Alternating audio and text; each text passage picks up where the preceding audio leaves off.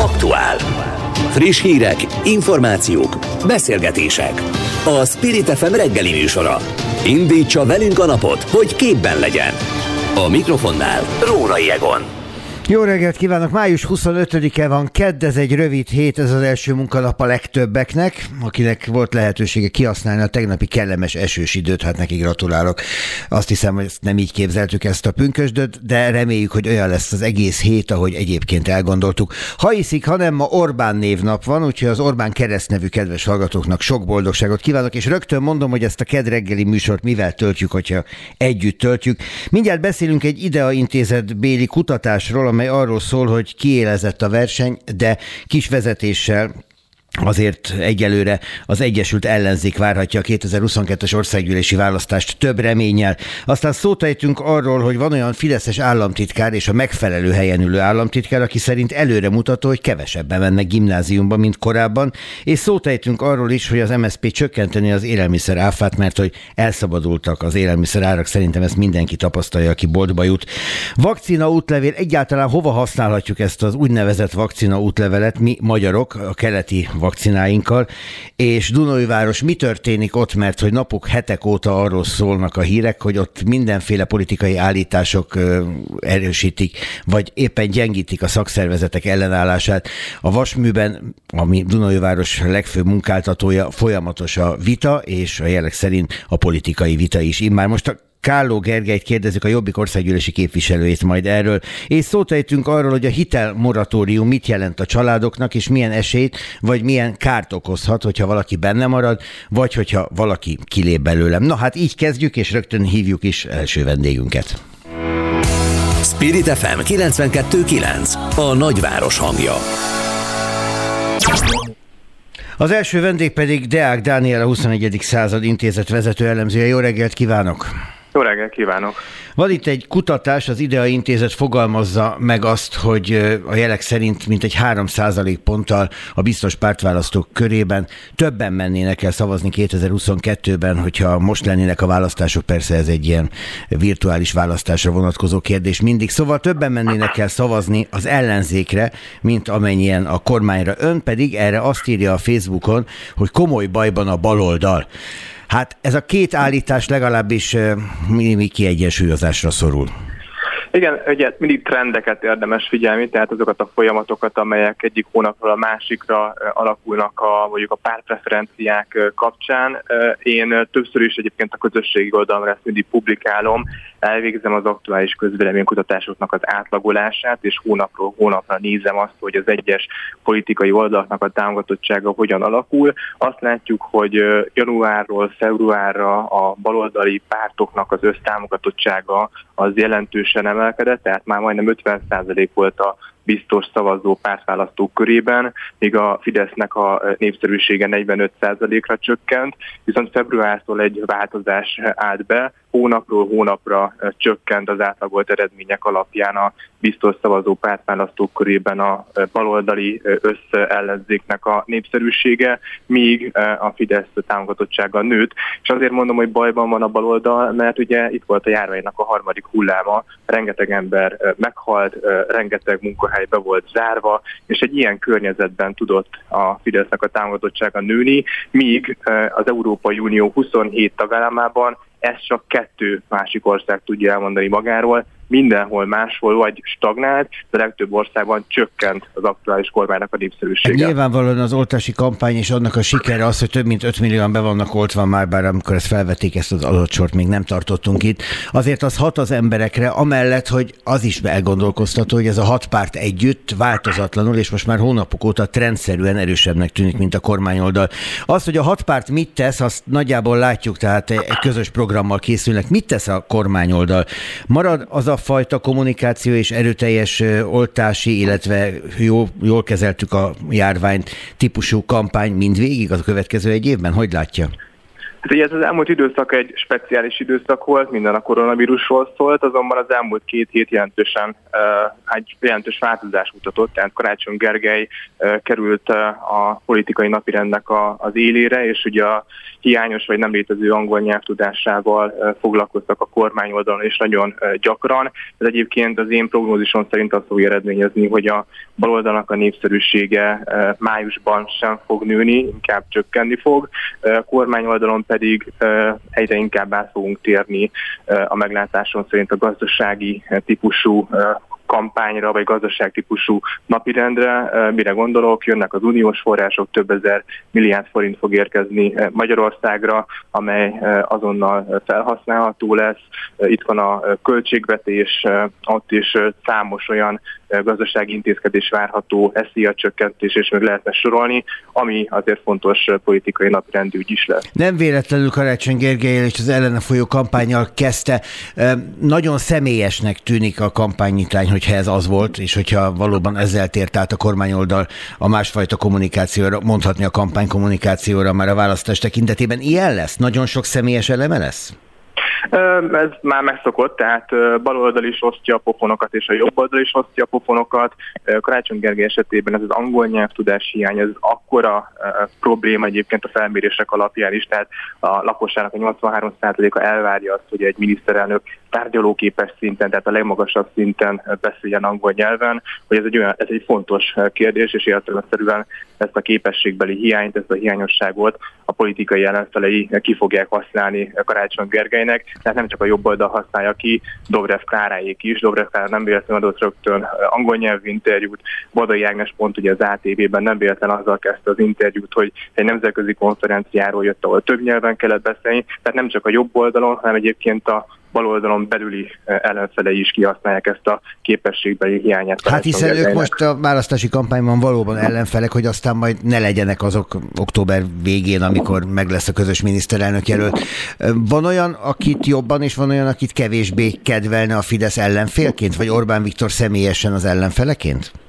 Én úgy fogalmazik, hogy Dobrev Klára lenne az adóász a Fidesznek, hiszen nagyon magas a elutasítottsága, tehát hogyha például Dobrev Klára lenne a közös miniszterelnök jelölt, az a könnyű helyzetbe hozná a Fidesznek a kampányát, de egyébként az összes jelöltre elmondható, hogy egyikük sem olyan népszerű a teljes népességen belül, mint Orbán Viktor, és egyikük sem népszerűbb a saját politikai táboránál, míg ugye Orbán Viktor esetében azt látjuk, hogy a Fidesznél magasabb népszerűségnek örvend, tehát ez egy versenyhátrány a jelöltek kapcsán. Ugye Török Gábor fogalmazott úgy, hogy az lenne a legideálisabb, hogyha össze lehetne gyúrni ezeket a jelölteket, tehát az álláspontot én is hoztam.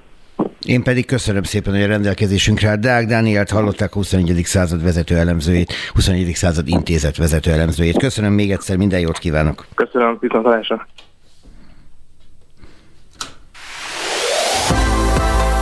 Spirit FM, ahol mindenki szóhoz jut.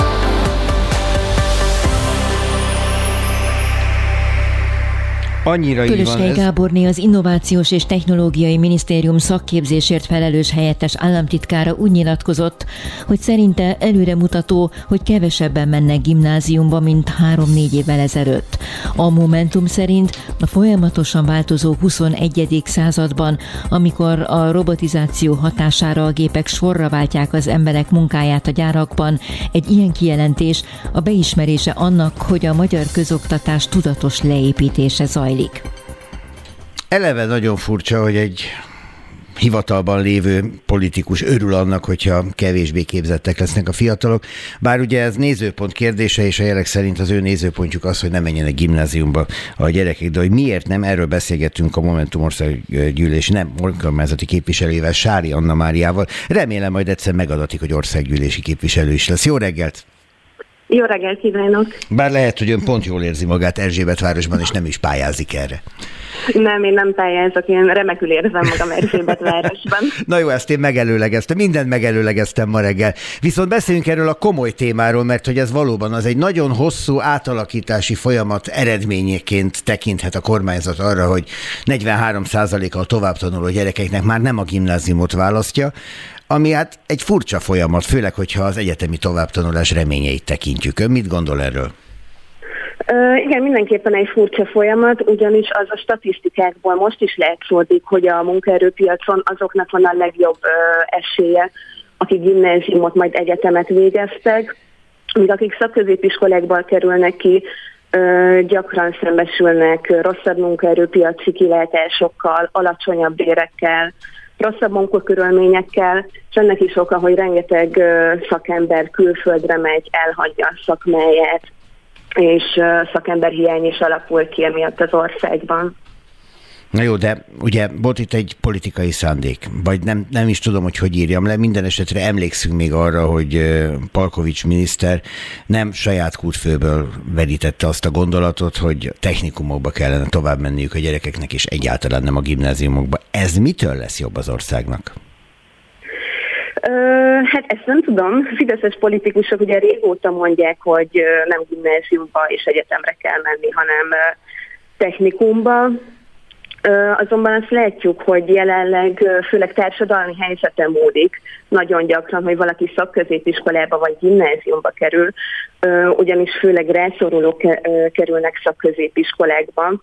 Egyre kevesebb a jó minőségű állami gimnázium, egyre több a magán és egyházi fenntartású iskola, közben sokan esnek el magasabb szintű oktatástól, és ezek a fiatalok kerülnek főleg szakközépiskolába, és ez nagyon gyakran nem választás kérdése, egész egyszerűen nincs más esélyük. Na most, hát ehhez képest a jelek szerint Pöröskei Gáborné államtitkárként még egy kicsit elégedetlen is, mert hogy azt mondja, hogy van még hova fejlődni, Például Ausztriában a nyolcadikosok 21%-a megy csupán gimnáziumba, a többi diák a szakképzés mellett dönt. Azt nem teszi hozzá, hogy az ottani szakképzés az pontosan ugyanúgy a szakirányú egyetemre való felkészítést is szolgálja, mint mondjuk adott esetben egy gimnáziumi képzés kifejezetten erről szól. Itt ugye csak egy adattal van dolgunk, ismerjük ez az Ausztria labor minden tekintetben. Ez az adat viszont ebben az esetben nálunk arról szól, hogy ezek a gyerekek szakmát tanulnak, és igencsak megnehezített pályán juthatnak tovább egyetemre. Igen, igen, ezt látjuk, hogy európai szinten egyébként Magyarországon kevesen mennek szakközépiskolákba, viszont azért nem mennek sokan, mert nagyon alacsony, rossz minőségű képzést kapnak. Gyakran írni, olvasni alig tudó fiatalok kerülnek ki ezekből az iskolákból, aminek az egyik fő oka a lecsökkentett közismereti óraszámok, így esélytelen, hogy ők tovább tudjanak tanulni, és képzett szakemberé váljanak a későbbiekben. Én értem, hogy nem tör most országgyűlési babérokra, de nyilván a Momentum oktatási programjának részleteivel tisztában van. A Momentumnak mi az elképzelése? Hogy lehet ezt folytatni, tovább menni, visszafordulni, egyáltalán merre kéne itt tovább jutni? A mi programunkban a fin típusú oktatási rendszer felé mennünk, ami, ahol főleg a készségfejlesztés kerül előtérbe. A nyelvtudás, a digitális ismeretek, a kreativitás, a kritikai gondolkodás kerül a középpontban. Ezek azok a, ez az, amíg versenyképes tudást ad a fiataloknak. Természetesen az oktatást visszaadnánk önálló minisztériumnak, illetve magukat az iskolákat visszaadnánk a közösségnek, hiszen látjuk, hogy ez a központosítás nem vált be. Illetve ami még nagyon fontos, hogy a mi programunkban az szerepel, hogy az iskolák, a tanárok elíthassák össze a tantervüket, ami ugye szintén látszódik jelenleg, hogy a központi tanterv nem működik, és nagyon sok problémát okoz a fiataloknak. Ez a mondat vége, értem. Kicsit, kicsit bizonytalan voltam ebben. Van itt egy, van itt egy érdekes helyzet, ha önkormányzati képviselő, akkor nyilván ezzel is tisztában van, és akkor most egy teljesen másik témára átcsapok. Mától nem ingyenes a parkolás a adott településeken, ahol idáig az volt. Az önök önkormányzata Erzsébet város hogy döntött? Ad moratóriumot még pár napig, ad lehetőséget az embereknek, hogy visszatérjenek a rendszerbe, vagy pedig mától büntetnek? Nálunk mától fizetni kell a parkolásért, és belvárosi kerületként hatalmas problémát okozott az elmúlt hónapokban ez az ingyenes parkolás, és rengeteg helyben lakó fordult hozzánk, hogy egyszerűen nem tudnak parkolni a lakásuk környékén, órákat köröznek, ezért mi úgy döntöttünk, hogy a mai naptól életbe lép a fizetés, fizetős parkolás. Akadálymentesen be lehetett szerezni az engedélyeket, amik ehhez tartoznak? És hány autóra adtak önök engedélyt a kerületben egy háztartáson belül? Egy háztartáson belül nálunk három autóra lehet ö, engedélyt kérni. Ez indokolt esetben, hogyha több ö, generáció él együtt, vagy ö, a munkájukból adódóan szükség van több autóra, de jellemzően egyébként egy, maximum két autóra kérnek, kértek engedélyt tőlünk. De akkor ebb tekintetben nagyvonalú, más tekintetben pedig szigorú az Erzsébet városi önkormányzat. Köszönöm, Igen. hogy a rendelkezésünkre állt Sári Anna Máriát, a Momentum önkormányzati képviselőjét hallották az imént. Szép napot kívánok önnek! Szép napot! Spirit FM 92.9 A nagyváros hangja az Európai Unió 27 tagállama közül áprilisban Magyarországon volt a legmagasabb az infláció, 5,2% Ennek hatása a nyugdíjaktól, bérektől kezdve az élelmiszerárakban is érzékelhető. Élelmiszerek esetében a Magyar Szocialista Párt az áfa csökkentését javasolja, minden élelmiszert 18% os kulcs alá, az alapvető élelmiszereket pedig 5% os kulcs alá vonnák. A javaslat részleteiről Tóth Bertalant, az MSZP társelnökét kérdezzük. Jó reggelt kívánok, elnök úr! Jó reggelt kívánok! Ezek az áfa csökkentési javaslatok, ezek rendre már a Parlament Gazdasági Bizottságán sem jutnak át, és nem kerülnek a tisztelt ház elé. Ezzel mitől lenne más a helyzet? Mégis tudunk eredményt elérni, mert évek óta mondjuk azt, hogy legalább az élelmiszer és legalább az alapvető élelmiszer átnak a áfája csökkenjen, és ha nem is a gazdasági bizottságon, de aztán a Fidesz javaslatára, akár a parlament, vagy akár most a rendkívüli helyzetben a kormány azért döntött már úgy, hogy csökkenti élelmiszerek és alapvető élelmiszerek áfáját. Ez nem teljes körű, de értünk el ebben sikereket. Akkor ezt úgy értsem, várjon egy picit, ezt úgy Igen? értsem, hogy önöknek van egy javaslatuk, ezt elkaszálják, majd pár héttel vagy egy-két hónappal később a kormány mi saját javaslatot terjeszti a parlament elé?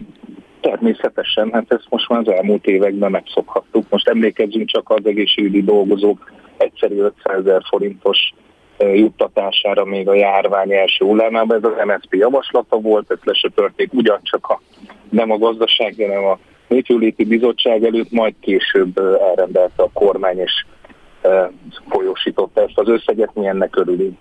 A jövő évi költségvetésen most babrál a parlament. Nagyjából lehet látni, hogy ezek a számok ezek beleférnének-e a jövő évi költségvetés számaiba? Bőven, bőven. Milyen, hát milyen ugye, számokkal dolgoznak önök?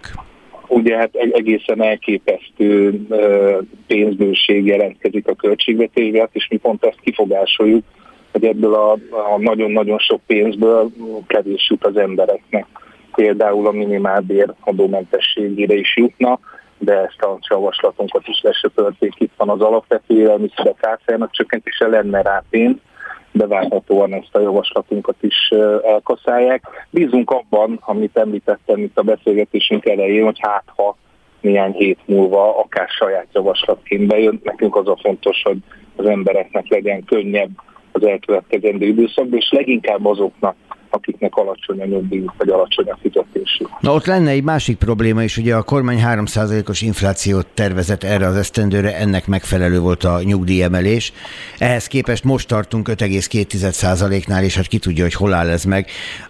A jelek szerint a kormány nyugdíj emelésre nem hajlandó legfeljebb némi kiigazításra a különböző számok közötti különbség odaítélésével, pedig nyugdíjemelést követelnek önök is. Így van, és nem olyan nyugdíjemelést, ami most van, hanem olyat, amely figyelembe veszi a munkabérek emelkedését is, ez az úgynevezett svájci indexálás, amit 2010 után eltörölt a kormányzat. Nyilván ki fogja kompenzálni a, a, ezt a különbséget, az infláció és a nyugdíj közötti különbséget a kormány, de ha csak azt nézzük, hogy az elmúlt évek, vagy az elmúlt évben az élelmiszerek közül, amit ugye hát lássuk be, nyugdíjasok igen nagy tehát az ő kiadásaik nagy része azért mégis az élelmiszerre megy el. Ha megnézzük, hogy ott hogyan emelkedtek a, az árak, akkor két számjegyű áremelkedésekkel találkozhatunk, miközben a munkabérek pedig hát jobban emelkedtek, mint az infláció. Tehát ez is sajnos oda vezet, hogy egyre kevesebbet ér a nyugdíj, és egyre többen vannak nyugdíjasok közül, akik a létnyom alatt élnek. Van itt egy picike kis ellentmondás, de lehet, hogy én érzem rosszul. Az előbb azt mondta, hogy önöknek az elsődleges szempont az, hogy jobban éljenek az emberek, ami egy teljesen jó politikai alapállás és egy politikusi gondolkodásmód. Ugyanakkor jövőre választások, az lenne igazán a jó, hogyha azt éreznék az emberek, hogy melyik oldaltól, ez esetben önöktől élnek jobban, és nem a kormány oldaltól, hiszen az hoz politikai hasznot. Ezt hogy képes feloldani? Nem, nem, nem értem ebbe az ellentmondást. Hát ebben az az ellentmondás, hogy majd a jóságos kormány két-három hét múlva benyújtja azt a javaslatot, amivel önök álltak elő, és azt fogja mondani a kormány, hogy na ugye, így is segítünk az embereknek. Nem önök segítenek majd a kommunikációban, hanem ők. E, azért nem gondolom, hogy így lesz, mert a Fidesznek egészen más a gazdaság és társadalom filozófiája.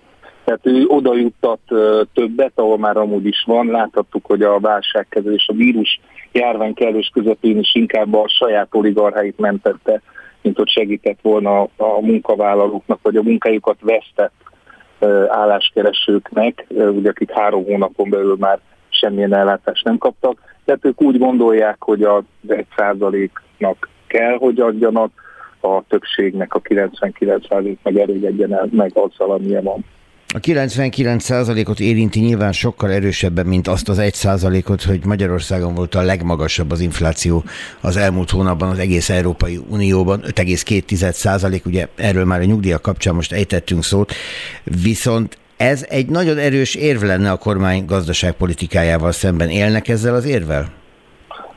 Egyértelműen nyilván a kormány mindig azokat a számokat emeli ki, amik számára kedvező az inflációról nem beszél, és például arról sem beszél, hogy Európában, euróban számolva a magyar minimálbér a legalacsonyabb, tehát alacsonyabb, mint a román, a szlovák, a cseh, vagy akár a lengyel minimálbér, és akkor nem is beszélünk még a nyugat-európai országok minimálbéréről, tehát ezekre a számokra általában nem beszél, az a, a nyugdíjak alacsony mértékéről nem beszél, a GDP emelkedésről beszél, ami, ami jó, és ezt mindig el szoktam mondani, hogy igen, mert a magyar emberek jól és sokan dolgoznak, és magas a GDP emelkedés, csak az a baj, hogy ebből a haszonból leginkább a Fideszhez közel állók gazdagodnak, és legkevésbé azok a magyar emberek, akiknek szüksége lenne a segítségre, szükség lenne az alacsony jövedelmüknek. Persze van, van érva a magasabb infláció mellett, mert hogy indul a gazdaság, és a gazdaságot hajtva, hajtva, hajtva az infláció is nő. Nyilván ebben van egy középút, amit majd meg kell találni. Ön hisz abban, hogy a következő egy évben ezt a középutat a kormányzat megtalálja?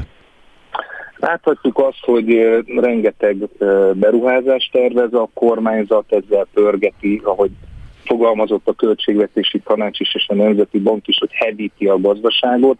Meglátjuk, hogy kinek a jóslata jön be, Matolcsi Györgyi vagy Varga Mihály, ugye ők általában szoktak vitatkozni itt a gazdaság alakulásának a, a helyzetén. Itt, itt nyilván most nem elsődlegesen az a szempont, hogy hogy a Fideszhez közel oligarchák körülítsák a szállodáikat, és rengeteg mindent építsenek, és vadászkiállítás legyen, és űrkutatás legyen, és ezzel pörögjön a gazdaság. Nekünk az lenne a fontos, hogy ez a ö, rengeteg plusz forrás, az ott segítsen az embereknek, ahol ö, nekik erre szükségük van, és ne megint a fideszes oligarchák gazdagodjanak. Tóth Bertalant hallották az MSZP társelnökét. Köszönöm szépen, hogy a rendelkezésünkre állt. Kellemes napot kívánok önnek is. Aktuál. Friss hírek, információk, beszélgetések. A Spirit FM reggeli műsora. Indítsa velünk a napot, hogy képben legyen. A mikrofonnál Rórai Egon. Túl nagy volt az előbb a lendület, de most akkor elmondom, hogy 7 óra 35 a pontos idő, és itt van Latvan Tamás a vonalban. Jó reggelt! Jó reggelt kívánok! Ez a nemzetközi, meg a hazai védettségi igazolvány. Ugye az egyik egy útlevélnek nevezett valami, a másik pedig egy védettségi igazolványnak nevezett másik valami. Szijjártó Péter szerint ezek majd párban járnak. Ön szerint pedig hogyan járunk ezekkel mi magunk? Hát én is úgy gondolom, hogy azon túlmenő, hogy bizonyos mértékig rosszul járunk velük, de de, de valóban a kettő nem ugyanazt a célt szolgálja, leegyszerűsítve a dolgot, az a dokumentum, amit uniós vakcina útlevél néven ismerünk, az azt a célt szolgálja, és igazából csak az a cél, célt szolgálja a tervek szerint, hogy az unión belüli közlekedést, az unión belüli a tagállamokba való belépést ö, egyszerűsítse le.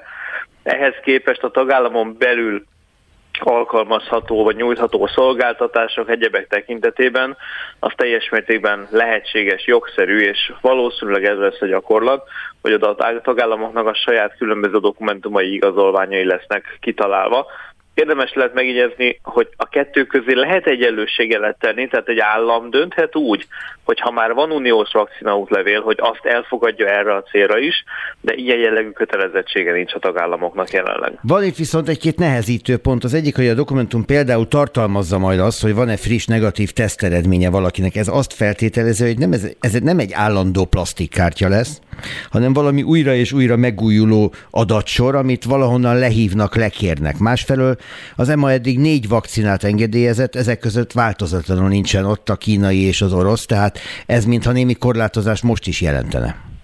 Ugye hát a mostani védettségi kártyák, akinek már van ilyen, a mostani védettségi kártyák is igazából ilyenek, hogy hiába van plastikból, van rajta egy QR kód, és a QR kód mögötti központból lekérhető adattartalom az változhat.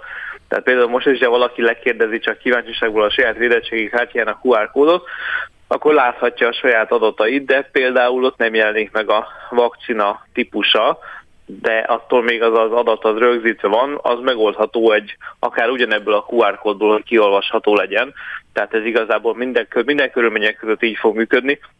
Az az igazán érdekes kérdés, hogy az lesz az érdekes kérdés, hogy az egyes tagállamok hogyan döntenek. Az én gondolatom, az én véleményem szerint egyszerűen jóval egyszerűbben járnának egyébként, hogyha az uniós vakcina útlevelet elfogadnák azonos funkcióra ugyanúgy, de hát, hogyha az államok ezt nem akarják, akkor nem akarják, és az Unió nem tudja megmondani az államoknak, nem tudja megparancsolni a tagállamoknak, hogy ők fogadjanak el olyan oltóanyagot is, amit maga az Európai Unió nem hagyott jóvá.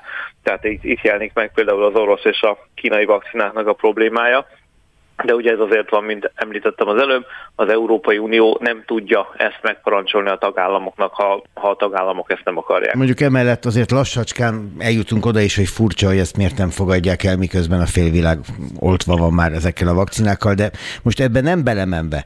Van itt egy, egy érdekes helyzet, azt mondta korábban Szijjártó Péter, hogy azokkal az államokkal szemben, amely államok nem fogadják el eh, a magyar eh, igazolást, a védettségi igazolványt, vagy nem fogadják el a magyarok beoltottságát, hogyha kínaival vagy orosszal oltakoztak, azokkal szemben ugyanúgy kölcsönösen mi sem fogjuk elfogadni az ő dokumentumaikat, és ugyanolyan eljárás alá vetjük az ő állampolgáraikat, mint amikkel mi szembesülünk, ha mondjuk Franciaországba vagy Ausztriába átmegyünk, és nincs megfelelő oltásunk. Ez mennyire életszerű? Ezt érdemes ketté választani. Egyrészt, hogy az utazási cél, a másik pedig a különböző szolgáltatások igénybevételnek lehetősége. Ugye alapvetően az a probléma, hogy Magyarország ebben a kérdésben nagyon lekorlátozta a saját mozgásterét azzal, hogy egyoldalúan, tehát ő úgy döntött, hogy elfogadja a Sinopharm, illetve a Sputnik vakcinákat is, Ugye az utazás esetében ez azért nem reális felvetés, mert az unión belül utazások tekintetében abban a pillanatban, amint eh, hatályba lép a vakcina útlevéről szóló szabály, az onnantól kezdve Magyarországot kötelezni fogja, hogy a belépés tekintetében minden EMA által jóvahagyott vakcinát fogadjon el, teljesen függetlenül attól, hogy a Magyarország által alkalmazott vakcinák közül mit melyiket hol kifogad el, ami pedig a szolgáltatások nyújtása tekintetében fennálló különbségtételt illeti, Azért lehet ez egy problémás, meg nem biztos, hogy egy reális felvetés az egész, amit ugye nem először hallunk a kormány irányából egyébként, hiszen hogyha Magyarország mondjuk leegyszerűsítsük le, Magyarország ugye elfogadja a Sinopharm vakcinát érvényes oltásnak, ez azt jelenti, hogy hogyha egy, mondjuk egy, egy hogyha mondjuk Németország nem fogadja el, de mégis idejön egy német állampolgár Magyarországra, az egyrészt igen valószínűtlen, hogy ő Sinopharmal van oltva. Ha pedig Sinopharmal oltva, nem biztos, hogy kap erre a németektől megfelelő oltási igazolást, hiszen Németország nem ismerte el a Sinopharm vakcinát. Tehát helyből ez a probléma nem valószínű, hogy előkerül. Vagy ha elő is kerül, mert mondjuk a német állampolgár korábban Szerbiában kapta meg a Sinopharm vakcinát, mert vakcinaturizmus sajnos látunk van ilyen, akkor az a helyzet áll elő, hogyha ezt komolyan Magyarország csinálni akarja, akkor azt jelenti, hogy uniós polgárok között, tehát egy magyar és egy német polgár között fog diszkriminálni vakcina típus alapján, amit ő maga, mint állam, mint egy egységes szabályozási környezet nem tehet meg. Mert ez ugye emberek, uniós polgárok közötti diszkriminációt jelentene. Tehát, hogyha ezt komolyan gondolják, akkor annak nagyon-nagyon sok különböző lehetséges jogi eljárás lenne a vége. Ezek mindegyikével valószínűleg egy vesztes, vesztéssel kéne számolni a végén. Tehát én szerintem ezt a, ez a kijelentés ez igazából ugye a vita hevében, meg a politikai mondások hevében keletkezett, de szerintem nem gondolta végig alaposan senki. Köszönöm szépen, hogy a rendelkezésünkre állt. Natman Tamás nemzetközi jogást hallották itt a Spirit fm -en. Szép napot kívánok! Viszont hallásra! Aktuális közlekedési helyzetkép a fővárosból a BKK Info szakemberétől a Spirit FM reggeli műsorában. Csúcsidő. Jó reggelt Pongrász Dánielnek! Jó napot kívánok, köszöntöm a hallgatókat! Szervusz Dani! Ez a kedd ez olyan, mint egy hétfő? Igen, ez a kedd olyan, mint egy általános hétfő. Az nem jó hír. A csúcsforgalom miatt nem, meg van egy pár balesetünk is, meg érdekességképpen újonnan kezdődő munkák. Na kezdjük a balesetekkel szerintem, mert az az, amire ilyenkor felkapják az autóban ülök, vagy oda készülök a fejüket, hogy na, akkor merre lesz dugó. Van a Budafoki úton, egy befelé a Hausmann Alavis utcánál, illetve a hatos főút bevezető szakaszán, a Hunyadi János úton, az Építész utcánál, mind a kettő a városközpont felé. Na, szép lesz. A sejthető, hogy mi vár az autósokra. A Lánchíd környékére jeleztetek újabb korlátozásokat az elmúlt napokban, ezt többször lehetett hallani. Az mától érvényes? Igen, ez a mai naptól van, még pedig útszűkületre kell készülni a Clark Ádám téren, illetve a tér közelében az Alagút utcában, a Lánchíd utcában és a Fő utcában is. Ez, most azon gondolkozom, hogy ahhoz képest, hogy lassan lezárják az egész Lánchidat, és semmiféle forgalom nem lesz azon, tulajdonképpen majd, hogy nem elhanyagolható. Bár nyilván azon a környéken meg ezek a torlódások, amiket ez okoz, állandósulnak majd. Van ott menekülő útvonal? Arra felé nincsen, illetve hát egy beljebbi úton, talán az Attila úton vagy a Krisztina körúton lehet kerülni. Akik hát a Pesti oldalon mennek, ők pedig hát másik hidat kell választani, az Erzsébet hidat vagy a Margit hidat. Na úgy kezdtük, hogy ez a kedd ez voltak éppen olyan, mint egy hétfő, ez gondolom a bevezető utak forgalmára abszolút igaz, tehát a szokásos utakon, a szokásos autópálya bevezető szakaszokon áll a forgalom. Így van, autópálya bevezető szakaszok, főutak bevezető szakaszai, valamint a Váci út, Rákóczi út, Üllői út is lassú, a Soroksári út is, de már a belvárosi utakon is lassabban lehet haladni, illetve a nagyobb terek közelében, mind a budai és a pesti oldalon is. Dani, van egy olyan érzésem, hogy ilyenkor reggel nektek van bőven dolgotok, de hadd adjak egy plusz feladatot. Egy óra múlva beszélünk újra. Találj már egy jó hírt a budapesti autósoknak egy óra múlvára, jó? Rendben, hát, keresek, hát, keresek. Köszönöm szépen, Pogrász Dániel, BKK Info. Köszönjük a friss híreket. Spirit FM 92.9 A nagyváros hangja. Göthöz hasonlóan Iváncsát is különleges gazdasági övezetnek nyilvánítanák, aminek kárvalotja nagy valószínűséggel szintén egy ellenzéki vezetésű önkormányzat Dunaújváros lehet. Bujás Gergely ezzel szemben azt mondta, sajátos állítás, hogy Dunaújváros bármitől is elesik. Kálló Gergelyt a térség jobbikos képviselőjét kérdezzük. Jó reggelt kívánok! Jó reggelt kívánok! Dunajvárosban egyébként is forra hangulatott a vasmű környékén. Arról van most valami friss híre, hogy merre indulnak a folyamatok? Hát igen, sajnos a baj nem jár egyedül. Ugye a különleges gazdasági övezetnél nem kisebb probléma a vasmű jelenlegi helyzete, és ahogy a különleges gazdasági övezet, tehát arról készült egy dokumentum, ami a kormány elé terjesztettek, abban az indoklásban le is írják, hogy azért szükséges létrehozni ezt a különleges gazdasági övezetet, hisz hogyha valami probléma történik a vasműben, ne adj Isten csődbe menne, akkor, akkor a munkaerő az ide át tud csoportosulni tehát úgy fest, hogy a kormány már nem csak látszólag, hanem teljesen lemondott a vasműről. Ennek ellenére mi Dunóivárosra bizakodunk abba, hogy mégis jönni fog egy tőkerős befektető, és a vasmű meg fog menekülni. Más választásunk nagyon nincs. A vasmű változatlanul a legjelentősebb munkáltató a városban? Igen, igen, igen, de hát ez egy ipari körzet azért, azt tegyük hozzá, tehát nem csak a vasmű az, ami munkát ad. Ugye a szóban forgó Hancock is nagy munkáltató, illetve az épülő SK Innovation, illetve az épülő Iváncsai Ipari Park, amivel a Dunói Városiak pénze kőkeményen benne van. Ezért is egy merénylet Dunói Város és a város ellen az, hogy létre akarnak hozni egy ilyen övezetet, hiszen óriási iparüzési adótól esünk el, bármi mást is állítjon, állítson Gulyás Gergely. Tehát Gulyás Gergely vagy nem mond igazat, vagy teljesen félre lett tájékoztatva a térség pénzügyi mozgását illetően. Ha én most az Iváncsai polgármesterrel beszélgetnék, akkor ő boldog lenne. Azért kérdezem, mert ez egy kis falu, ez egy 2001 néhány száz fős falu. Nyilván, hogyha oda kerül egy olyan gyárról 2500-an dolgoznak, az mindjárt egy város lesz. E, e, teszem hozzá, hogy a lakosok ezzel nem elégedettek. Az, hogy mit mondana Molnár Tibor polgármester úr, azt nem tudom. Egyet tudok, hogy jelen helyzet azt mutatja, hogy polgármester úr teljesen félretájékoztatta az iváncsaiakat is. Tehát bejelentettek egy nagy ívű, Magyarország legnagyobb zöldbenzés beruházását Iváncsán. Ha már egy ekkora gyár épül oda, nyilván mindenki keresi benne az örömet. Mit jelent az öröm? Ugye egy óriási iparűzési adó érkezik, de ne felejtsük el, ezzel a különleges gazdasági övezettel Iváncsa polgármestere az oda beérkező ipar, iparüzési adóról lemondott, és átnyújtotta Székesfehérvárnak az elosztását. Jelenleg négy település osztozna ebből az óriási iparűzési adó mennyiségből, ezen a négy településen 14.500 ember él. A jelenlegi helyzetben három település osztozik az iparűzési adón, Dunaújváros, Rátszalmás és Iváncsa, Ebben a három településen viszont több mint 51 ezer ember él, tehát még csak nem is igazságos ez a rendszer. Tehát köszönő viszonyban sincs az indoklással az, hogy azt mondják, hogy ez egy igazságosabb rendszer, földrajzilag indokolt rendszer, itt többen részesülhetnek az iparizési adóból. Ez is egy nettó hazugság, hiszen a számok nem ezt mutatják. Dunai várossal mi a baj? Miért mond le róla a kormányzat? Az egy olyan város, amelyikre rendre lehetett számítani, igaz, hogy leginkább a szocialista kormányzatoknak, most pedig a jelek szerint a Jobbik egyik fellegvára lett. Ez a baj?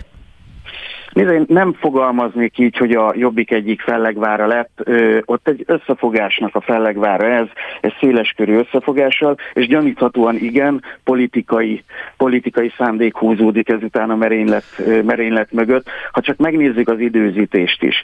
Ugye ennek a, ennek a koncepciónak a kidolgozója dr. Molnár Krisztián. Molnár Krisztián a Fejér megyei közgyűlés elnöke, illetve nem olyan rég kinevezett választókerületi elnök elnök Dunóiváros és környékén. Tehát az időzítés is azt mutatja, hogy őt kinevezték, amint kinevezték, bedobta az álló vízbe a követ, és egy óriási merényletet tervez elkövetni az egész térség és Dunóiváros ellen is. Tehát ennek nem csak Dunóiváros a kárvallotja, ennek a rendszernek kárvarottja még Pusztaszabolcs, Ercsi, Perkáta, akik kimaradnak Nagyvenyim, és hát mondom még egyszer, főleg az Iváncsai és a Rácolmási lakosok, akiktől most elveszik az iparűzési adót, elveszik ezáltal az építményadót, és Székesfehérvárra küldik át, hogy ott osszák szét a baráti önkormányzatok között.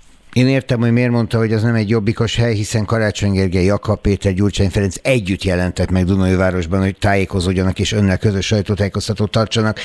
Azt mondja, hogy Gulyás Gergely becsapta önöket. Másképp fogalmaz, de azt önre bízom. De mit ígért és mit nem tart be? Most nem ezt mondtam, hogy Gulyás Gergely becsapták, én azt mondtam, hogy Gulyás Gergely vagy nem mond igazat, vagy őt csapta be Molnár Krisztián. Ugye Gulyás Gergely a kormányinfón azt mondta egyrészt, hogy ez egy igazságos elosztási rendszer. Hát mondom még egyszer, hogy lehet valami igazságos, ami eddig 51 ezer embert szolgált, most csak 14.500 embert fog szolgálni. Egyrészt ez az, amiben Gulyás Gergely nem mondott igazat, vagy meg.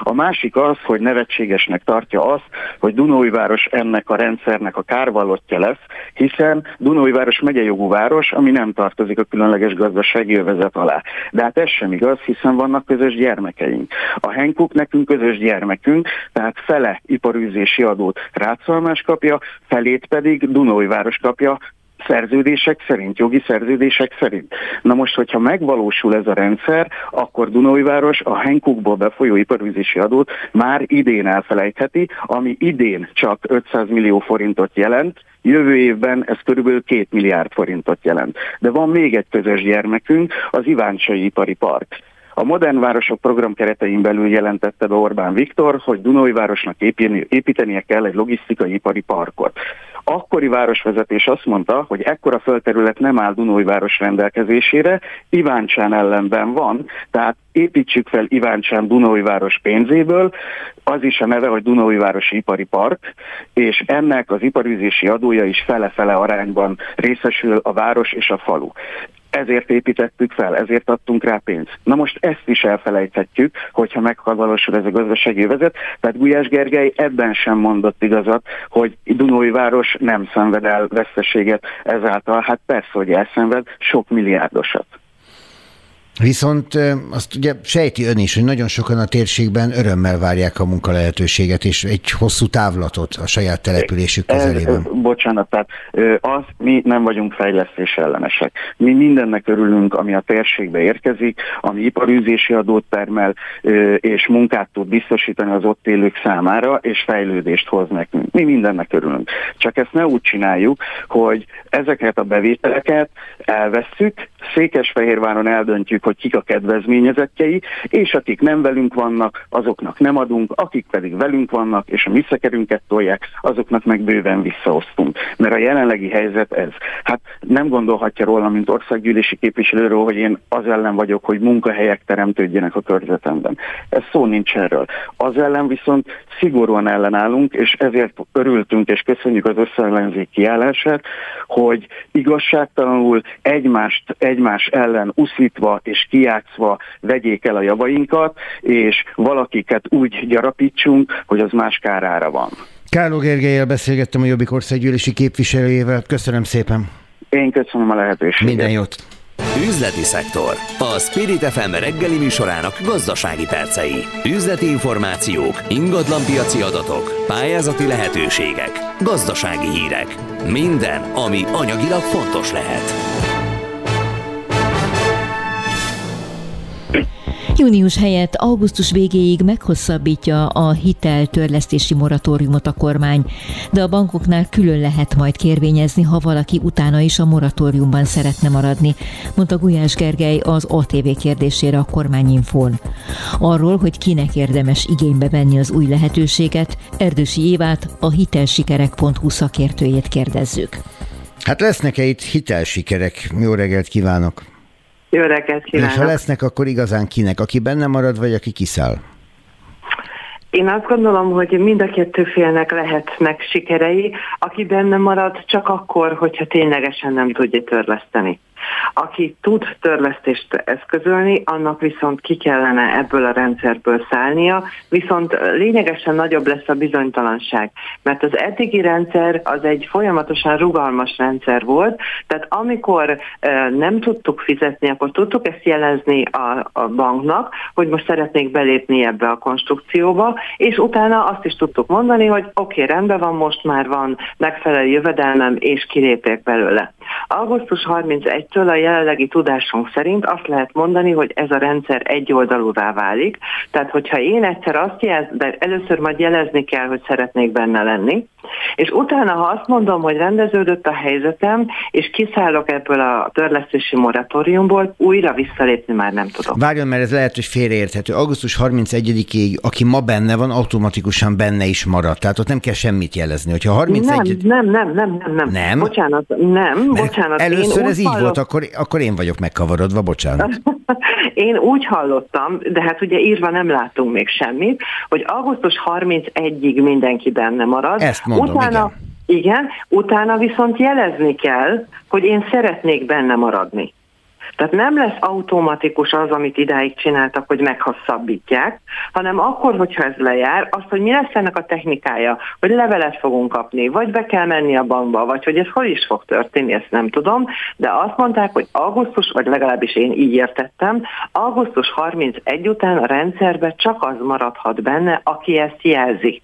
Igen, tehát akkor még egyszer, augusztus 31-ig, aki ma benne van, ha akar, benne marad. Nem kell Így semmit van. tennie. Augusztus 31-e utána valaki folytatni akarja, arról nyilatkoznia kell majd a bankja számára, valamilyen módon.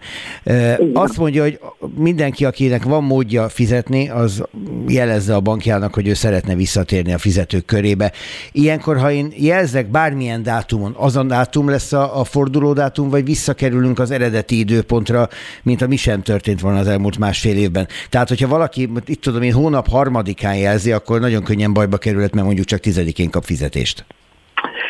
Igen, de ez az eredeti hitelszerződésen múlik. Tehát az eredeti hitelszerződésben benne van, hogy minden hónap hányadik napján kell törlesztenem. És akkor ez úgy marad?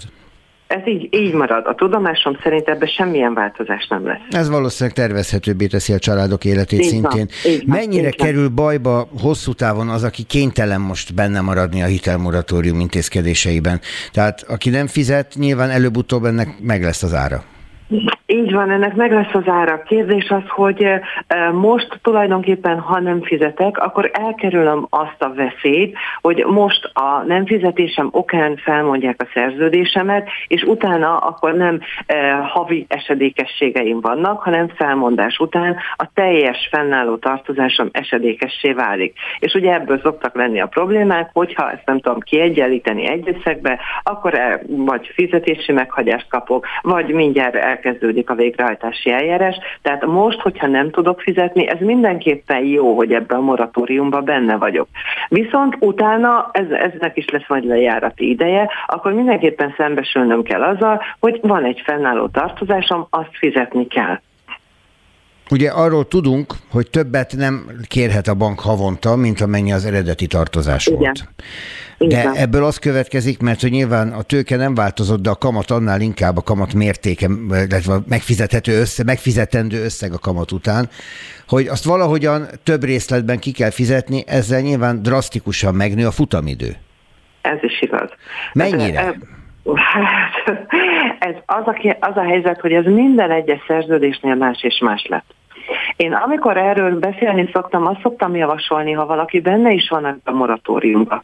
Ne tartsa vissza semmi attól, hogy elbatyog a bankba, vagy ír egy e-mailt, és megkérdezi, hogy egyébként, hogyha mondjuk én ezt majd, ahogy most tudjuk, 2022. júniusától kezdeném el újra fizetni, akkor ez mit jelent a számomra, hogy mennyivel hosszabbodik meg a futamidő? Mert mondjuk nem fizettem egy évet, vagy másfél évet. Az nem azt jelenti, hogy majd másfél évvel fog meghosszabbodni, hanem hogy ön is mondta, a fennálló nagyobb tőketartozás után ugye kamatot is meg kell fizetni, a törlesztő részletem, ha nem változik, akkor ez kitolja. Ha másfél évig mondjuk én nem fizettem ezt, és mondjuk másfél évig havi 50 ezer forint lett volna a törlesztő részletem, az egyszerűen lehet kiszámolni, hogy ez 18-50 ezer forint törlesztő részletet nem fizettem meg. Viszont, hogyha az elmaradt idő után még ehhez a kamatot is hozzátesszük, ez azt jelenti, hogy nem 18 hónappal, hanem a számításaim szerint ennek a duplájával, tehát 36 hónappal, vagy akár többel is meghosszabbodhat, és az igaz, hogy azt mondják, hogy a kamat nem változik, de ez is csak a fix kamatozású hitelekre igaz, mert ha valakinek változó kamatozású hitele van, és abban benne van mondjuk egy három, havos, három havi kamatperiódus, ami mondjuk a régi, devizahit, igen, régi devizahitelekre, amit forintosítottak 2015-ben igaz, akkor folyamatosan ez a kamat változik, és innentől kezdve a törlesztő részletem is változhat. Uh-huh. Tehát csak azoknál igaz, akiknél fix voltak a mat. Éva, egy villámkérdés a végére, mert valószínűleg ez is sokak fejébe előkerült már. Nem, le, nem lesz rossz adós az, aki most benne van a hitelmoratóriumban? Ugye van egy ilyen banki nyilvántartása, a hitelminősítésekhez kell nem rossz adós lesz, viszont az mindenféleképpen benne, szerepe, benne fog szerepelni, hogy ő neki igénybe vette ezt a moratóriumot, tehát új hitelfelvételnél a meglevő tartozását is ugye mindenkinek figyelembe veszik, tehát én azt mondom, hogy mindenkinek, hogy ez a banknál azért elgondolkodtató lesz, hogyha egy új hitelminősítést fog eszközölni, Értem. hogy ez az adós, ez jó adós, vagy nem jó adós. Erdős Éva, köszönöm szépen. Mindjárt 8 óra, mindjárt hírek itt a Spirit FM-en. Önnek szép napot, a kedves hallgatókkal pedig remélem folytatjuk együtt. Aktuál. Friss hírek, információk, beszélgetések. A Spirit FM reggeli műsora. Indítsa velünk a napot, hogy képben legyen. A mikrofonnál Rórai Egon. Jó napot kívánok, 8 óra 7 perc. Beszélünk arról, hogy mik azok a post-covid tünetek. Szerintem ez sokakat érint és sokakat érdekel, és beszélünk arról is majd, hogy mit tegyenek azok, akik ideig vadul készültek arra, hogy muszáj lesz nyelvvizsgát letenniük ahhoz, hogy hozzájutsanak a diplomájukhoz. Aztán most megint előkerül, hogy lehet, hogy erre moratóriumot hirdetnek, és nem kell nyelvvizsga. Mit gondoljanak erről azok, akik viszont verítékezve valahogy mégiscsak megcsinálták korábban? Beszélünk arról majd, hogy eltávolítanak egy plakátot, a milliómosok plakátját a fővárosban. Ez egy elég érdekes történet, és elég érdekes a háttere is, úgyhogy érdemes lesz figyelni ránk e tekintetben is. Spirit FM 92.9 a nagyváros hangja. Itthon is egyre nő a COVID szövődményekkel orvoshoz fordulók aránya. A betegek egy része különböző hosszú távú tünetekről számol be. Mint ismeretes, a COVID-19 betegség elsősorban a légutakat támadja meg, gyakran súlyos kétoldali tüdőgyulladást okozva. Sok olyan beteg is post-COVID tünetektől szenved, akinek semmilyen szerve nem károsodott a fertőzés alatt. Ugye itt az lesz majd a nehézség, hogy egyáltalán mit tekintünk annak, és mit nem. De hát ezt majd itt rendbe rakja a fejünkben dr. Menyhár Torsai, az a Fidel járóbeteg szakellátás orvosigazgatója. Jó reggelt! Jó reggelt kívánok mindenkinek! Most hajlamosak vagyunk azok, akik átestek a fertőzésen, vagy úgy gondolják, hogy átestek, ugye sokan vannak ilyenek is, akiknek nincs erre bizonyítékuk, csak van egy meggyőződésük, hogy ők betegek voltak. Szóval sokan gondolják azt, hogy minden post-covid tünet, a fejfájástól, a a könnyék zsibbadásig minden. Igazából mit tekintünk annak? Ö, gyakorlatilag azt lehet elmondani, hogy nagyon színes tünetekkel jelentkeznek a páciensek, akik átestek a COVID fertőzésen, illetve nagyon gyakran találkozom én is azzal, hogy mindenféle tünet hátterében egy esetleges lezajlott COVID betegséget gondolnak. Nagyon színesek a tünetek, a leggyakoribb a, a légzőrendszert érintő tünetcsoport, itt elsősorban a nehéz légzésre gondolok. A másik nagyon gyakori tünetcsoport a kardiológiai tünetek. Itt elsősorban a, a terhelésnek a hatására jelentkező szapora szívműködés, vagy akár a nyugalmi pulzusszámnak az emelkedése a jellemző, illetve a melkosi fájdalom, és nagyon gyakran vannak gyomor bérrendszert érintő tünetek, valamint idegrendszeri tünetek, itt elsősorban a szaglásnak, illetve az ízérzésnek az elvesztése, illetve a fejfájása jellemző. Van egy másik csoport, a pszichiátriai része a dolognak, arról majd mindjárt beszéljünk külön, de amiket most felsorolt, azokra megvan a speciális gyógymód, vagy ugyanúgy kell kezelni, ugyanazokkal a gyógyszerekkel, ugyanazzal a terápiás módszerrel, mint korábban bármilyen hasonló esetet? Nincsen speciális kezelés ezekre a tünetekre, ugyanúgy kell kezelnünk, mint a bármilyen más esetben fellépő hasonló tüneteket. És ugyanúgy is reagál a... a szervezet? Tehát ugyanolyan gyorsan gyógyul, vagy ugyanolyan gyorsan reagál nem, egy gyógyszerre? Nem, nem jóval, jóval lassabban fog reagálni, és itt az a fontos, hogy a, a súlyos szövődményeket kizárjuk. Tehát azért is fontos egy, egy COVID betegség után néhány héttel elmenni kivizsgálásra, hogy a legsúlyosabb tüneteket kizárhassuk, amennyiben ezeket sikerül kizárni, akkor a hagyományos kezelés az, ami szintén célra vezető, illetve az idő. A kivizsgálás az labor, szív és tüdő? Igen, elsősorban, illetve ide tartozhat a, a légzés funkció, képalkotó diagnosztika, gondolok itt elsősorban a melkos illetve a melkos CT vizsgálatra, illetve amennyiben központi idegrendszeri tünetek vagy gyomorbérrendszeri tünetek vannak, akkor szóba jöhet a neurológiai vizsgálat, illetve a gastroenterológia is. És akkor a pszichiátriai kérdése a dolognak. Ezzel nagyon nehéz szembenézni, miközben nagyon sok embernek konkrét mentális problémát okoz az a a, a covidos állapot, amin átesett, a túlélés maga, illetve az a tudat, hogy ő egy olyan betegséget élt túl, amiben mások meghalhattak. Igen, ezzel nagyon gyakran találkozom, és nem csak a betegségen átesett páciensek esetében, hanem maga a, a karantén, illetve a pandémia is nagyon sokakból kiváltott hasonló ö, pszichés ö, tüneteket, és nyilván ennek lehetnek ö, szervi tünetei is, úgyhogy nagyon fontos, hogy ilyenkor kizárjuk a szervi károsodást, és amennyiben nem sikerült ezt igazolni, akkor, akkor egy pszichés támogatásra van szükség. Mi a leggyakoribb a szorongás, vagy depressziós tünetek, vagy pánikrohamok? A pánik és a szorongás, és azt látom, hogy akiknél korábban ez nem volt jellemző, azoknál is előhozhatta ez az időszak ezeket a tüneteket. Hát gondolom ezzel a legnehezebb boldogulni, mert hogyha valakinek van valami szapoda szívdobogással járó tünete, akkor arra ad valami gyógyszert. A mentális egészség az egy sokkal bonyolultabb és sokkal inkább rajtunk, pácienseken is múló kérdés. Igen, itt az nagyon fontos, hogy ha valaki megtudja, hogy nincsen szervéltérés, akkor az azért sokat segít abban, hogy, hogy pszichésen tudja kezelni a, a tüneteket. Másrészt nagyon fontos, hogy, hogy hosszú távon azok a életmódbeli lépések megtörténhessenek, amik esetleg a tünetek miatt nem történt, meg gondolok itt elsősorban a, a sporthoz való visszatérésre, ami szintén segíthet a, a pszichés tüneteknek az enyhítésében, de sokszor a, a tünetek miatt nem mennek visszatérni a páciensek. Hát meg ráadásul ugye a sportolás előtt tényleg szinte kötelezővé kellene tenni azt, hogy valaki átessen a teljes körű szűrővizsgálaton a betegség utáni szűréseken. Mi lesz az egészségügyben dolgozókkal? Nagyon gyakran merül most már fel az a kérdés, miután a járvány szorítása enyhül, hogy azok, akik ezt az elmúlt egy-másfél évet végélték a frontvonalban, a kórházakban, velük kifoglalkozik, ők hogy mennek több hónapos szabadságra, akár miközben az ellátórendszer ezt nem bírja el, hogyan fogják a saját mentális egészségüket helyreállítani? Igen, ez egy nagyon nehéz kérdés. Nyilván most pedig a, a, a nyitás után egyéb terhek jelent, egyéb terheket jelent az egészségügyre, úgyhogy ez, ez nagyon nehéz ezt megoldani. Azért azt nagyon fontos hangsúlyozni, hogy vannak olyan pszichés támogatást végző csoportok, akik az egészségügyi dolgozóknak a támogatását végzik, és végezték a, a pandémia egész ideje alatt. Önnek arról van véleménye, hogy nem mehetnek külföldre például veszélyhelyzet alatt az egészségügyi dolgozók, vagy éppen nem mondhatnak fel? Igen, tehát egyrészt, egyrészt érthető, de azt gondolom, hogy az egészségügyi dolgozóknak is joga van azokhoz a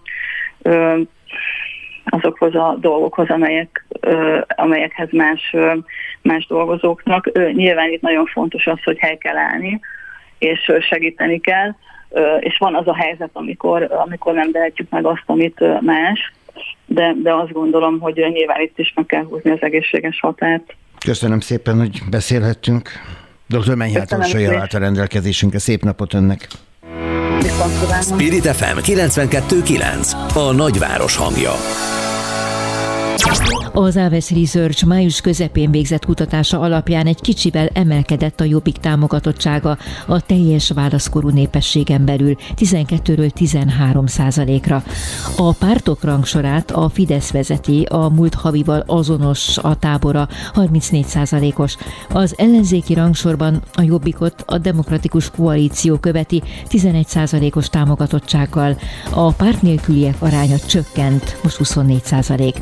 Az eredmények részleteiről Závec Tibort kérdezzük. Szép napot kívánok Závec Tibornak. Halló. Itt kéne lennie. Itt is van? Itt vagyok. Akkor jó. Szóval ott tartunk, hogy a Fidesz elmozdul a mélypontról, de vajon minek a hatására? Hát adjuk oda neki azt a megokolást, hogy a járvány kezelése amit ők alapvetően most ebben az időszakban az oltottság aránya azonosítanak, az jól sikerült. Tehát ugye itt megy egy ilyen számháború, hogy mire kell mérni a járvány utáni helyzetet, a válságkezelést, és mivel ezt vették elő, és ez lett az alapvető kommunikációs panel, ezt elég szépen tolják is különböző fórumokon, úgyhogy ez, ez a lakosság díjazza. Az, hogy lesz-e gazdasági nehézség, ami aztán az embereket megérinti, ezt nem tudjuk. Tehát egyelőre úgy látszik, hogy a gazdaság újraindítása is az a fogalom, amit nagyon gyakran használnak. Ebben még konkrét tapasztalata a választópolgároknak nincsen. Van optimizmusa, ezt éppen a manapvilágra került GK index is mutatja, ott ugye a vállalkozások is azt jelzik, hogy egy ilyen pozitív kilábalási időszak következik. Szóval ez a néhány motivum az, ami ezt a mélypontról való kimozdulást előidézte. és lassacskán odaér a Fidesz abba a tartományba, ahol a a járvány kezdete előtt volt. Ezt tudja ellensúlyozni a hat összefogott párt, azaz, hogyha a Fidesz támogatottsága a járvány előtti szintet éri el ismét, akkor azzal szembeállítható-e a hatpárti összefogás? Az összefogás eddigi legfontosabb uh, ilyen összetevője az volt, hogy összefogtak, tehát hogy a választópolgároknak azt az igényét uh, teljesítették az ellenzéki választópolgárokét már, mint hogy uh, ez egy ilyen közös politikai platform legyen, és így induljanak neki a következő választásnak. Ez eddig sikerült, ugye most jön ennek a, a egyik ilyen próbája az előválasztás, ahol ezt meg is tudják mutatni a széles választóközönség előtt, hogy együtt is vannak, meg versenyeznek is, és kiválasztják a legjobb jelölteket az egyéni választókerületekben is, meg a legjobb miniszterelnök jelöltet, tehát ez adja a lehetőséget, meg az adja a lehetőséget, amit ebben a kutatásban mutattunk még az ellenzék számára, bocsánat, még egy fél mondat, hogy így pariban vannak. Tehát, mm, hogy igen, a, igen. a kormánypárt ellenzék tulajdonképpen szinte azonos támogatottságot élvez, hogyha a hatpárti ellenzéket, mint egységes listát teszik oda a választópolgárok elé, tehát 40-39 az ellenzék, a 40 a kormánypártok a 39. Tehát, hogy a, a lehetőséget még az biztosíthatja az ellenzéknek, hogy van elég sok olyan választópolgár, aki szeretne kormányváltást, de még nem tartott, hogy az ellenzék szavazója legyen. Még ezt el kell fogadnia ezt a helyzetet, hogy mindenki együtt. El kell fogadnia, egyelőre valószínűleg abban értenek ők egyet, tehát az már egy mondjam, a, a, az egy taszítás a Fidesz részéről, hogy nem akarják azt, hogy a regnáló hatalmi konstelláció legyen a következő választások után is, de ott még nem tartanak ebben a folyamatban, hogy az ellenzék politikai alternatíváját láthatták volna, észlelték volna, megérthették volna. Tehát, hogy itt van egy ilyen 9% pont, ez 700 ezer szavazó, tehát ez egy potenciális tartaléka az ellenzéknek. Ilyenkor az ember mindig mond egy lelombozót is, ugye a lelombozó az, az ellenzék számára, hogy, hogy nem elég aktívak ezek az emberek, tehát itt még azért dupla a feladat, amellett, hogy az ellenzéket, ellenzéknek magához kellene hívogatnia ezeket a választópolgárokat, hogy aktivizálni is kellene őket. Jelenleg ilyen egy negyedik, egy ötödik, bocsánat, akar elmenni, még kevesebb, voksolni, meg van egy ilyen pessimizmusok is, tehát nem gondolják azt, csak egy negyednyien, hogy az ellenzék meg tudja nyerni a választást. Á, ez az úgysem sikerül érzés, igen. Igen, hát igen. ezt az elmúlt választások azért jól megalapozták, eh, hogyha nem a budapesti adatokat tekintjük. Hadd kérdezzek rá egy, egy eh, furcsa eh, adatsorra, ami csak a hagyományok szempontjából furcsa. Ugye azt szokták mondani, és ez volt a tradíció, hogy a dk és különösen a szocialista szavazók az idősebb közönségből ö, erednek. Ehhez képest az látszik ebből a felmérésből, hogy az ellenzék a 40-es, 50-es korosztálya körében jobban áll, a fiataloknál még jobban, és a Fidesz-KDNP listák igazából a 60 pluszosok számára vonzók. Ez azért akkor egy fordulat? Hát igen, ez azonnak a pártoknak köszönhető, hogy változóban van az ellenzéki szavazótábor összetétele, amelyekről még nem esett szó. Tehát ugye itt a, a, a DK és a, az MSZP-t említette, de azért oda, oda sorolhatjuk ugye a jobbikot, amelyeknek hagyományosan, ez is egy hagyomány, meg régi sztereotípia, mérési eredmény, hogy a Jobbiknak egy fiatalos szavazótábora, fiatal középkorú, ugye inkább a vidéki lakosságból és a kis településeket, de mindenképpen egy jellegzetesség, hogy, hogy ő egy ilyen 40 alattiaknak a pártja, esetleg még 40-50 között is találunk szavazókat. A Momentum is egy ilyen fiatal középkorúakat magánhoz vonzó párt, az LMP ugyan nem nagy táborral rendelkezik, de ő szinte a kezdetek óta ugyanezt a korosztályt érinti meg, és hát a párbeszéd is ehhez hasonlóan, mint egy ilyen zöld, alternat, zöld baloldali alternatívát nyújtó párt is inkább a fiatal korosztályokat. Tehát itt egy ilyen kiegyenlítődés van.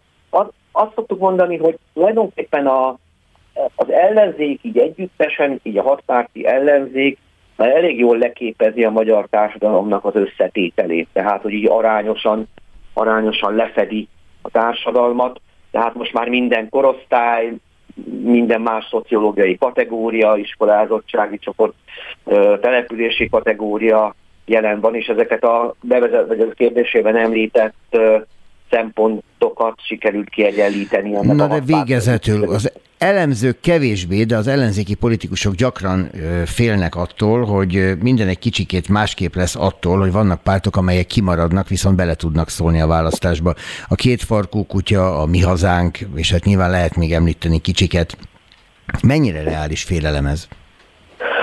Hát nem bagatelizálnám el ezt a kérdést, nyilvánvaló, hogy annak ellenére, hogy ezen pártok támogatottsága elég alacsony, én egy százalék körüli, nem is így az országos lista szempontjából tartom ezt lényegesnek, vagy az ellenzék szempontjából veszélyesnek mondjuk, de Fidesz is érintheti ebből a szempontból negatívan Amerika mi hazánk, hanem a tekintetben lehet ennek jelentősége, hogy a 106 egyéni választókerületek ben legalább 15-20 helyen várható az, hogy mondjuk ezer szavazaton belül lesz majd a, a győztesnek az előnye.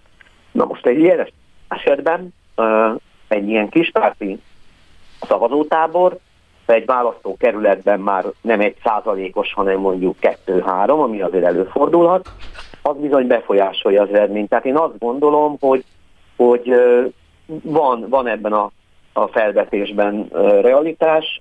Nem tudunk egyelőre erről többet. Úgy összességében valószínűleg azért nem ezen fog múlni a választások mhm. eredménye, nem ezeken a pártokon. Záves Tibor, köszönöm szépen a beszélgetést. Én is köszönöm. Minden jót. Spirit FM 92.9 A nagyváros hangja. A végzősök körülbelül 35%-ának nincsen középfokú nyelvvizsgája, derül ki a hőok által áprilisban végzett felmérésből. Ez akár 25 ezer beragadt diplomát is jelenthet a 2021-ben végző egyetemi főiskolai évfolyamon, hiszen sem az alap, sem a mesterszakos okleveleket nem vehetik át azok, akik nem szerzik meg az előírt számú és szintű nyelvvizsga bizonyítványt. A hőok ezért az idei évre is nyelvvizsga amnestiát szeretne. Itt van a Hőok elnöke velünk a stúdióban, Murai László, jó reggelt! Jó reggelt, üdvözlöm a kedves hallgatókat!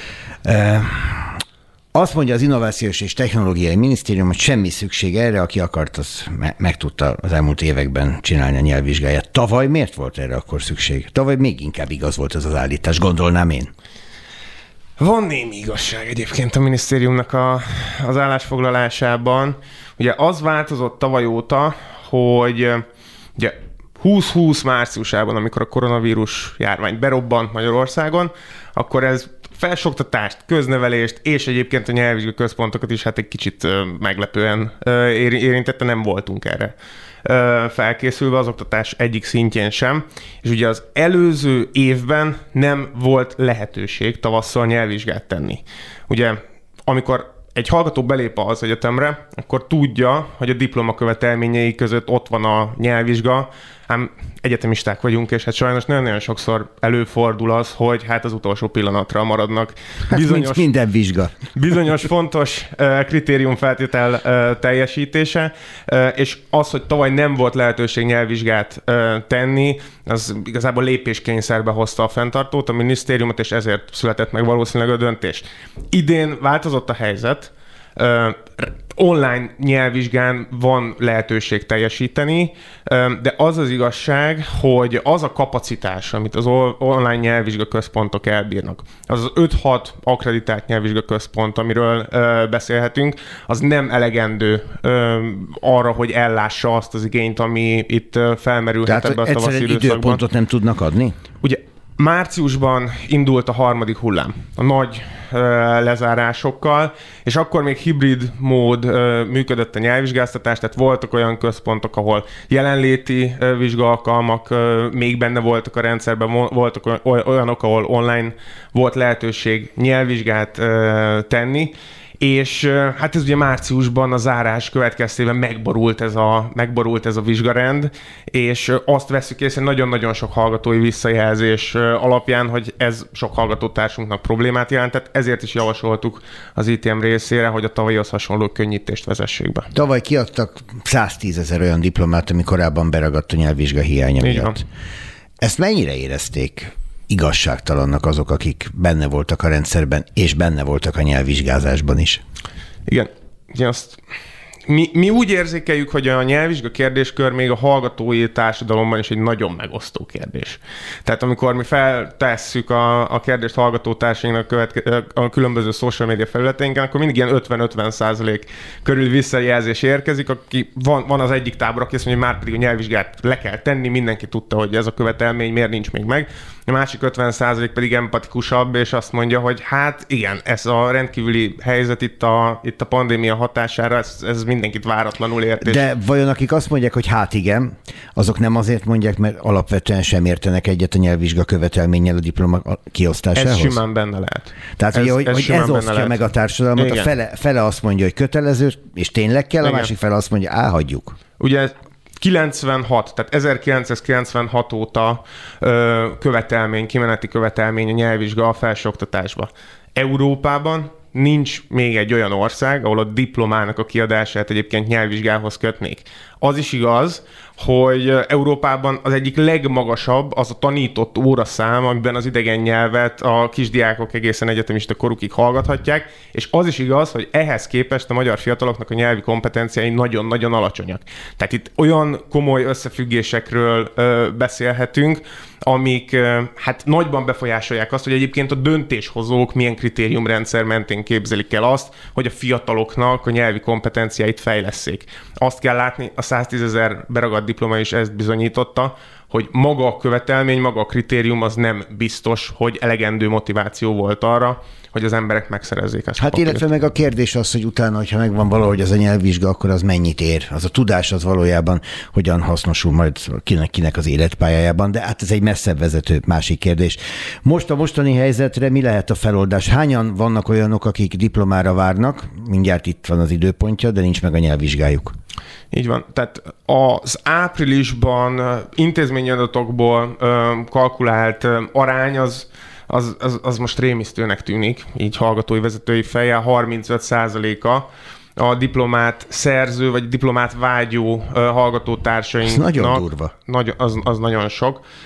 Ugye izgalmas adataink vannak azzal kapcsolatban, hogy egy évben hány hallgatótársunk akar végezni, nem mindig napra kész, tehát az oktatási hivatalnak egyébként vannak zseniális statisztikái, de nem mindig napra készek. A KSH is ö, ö, számot tart ezek, ezekről a számokról. Mi úgy kalkuláltunk, hogy ez akár 25 ezer hallgatótársunknak a diplomaszerzését is megnehezítheti. Itt fontos kiemelni, hogy itt egy arány, arányszámról kell beszélni.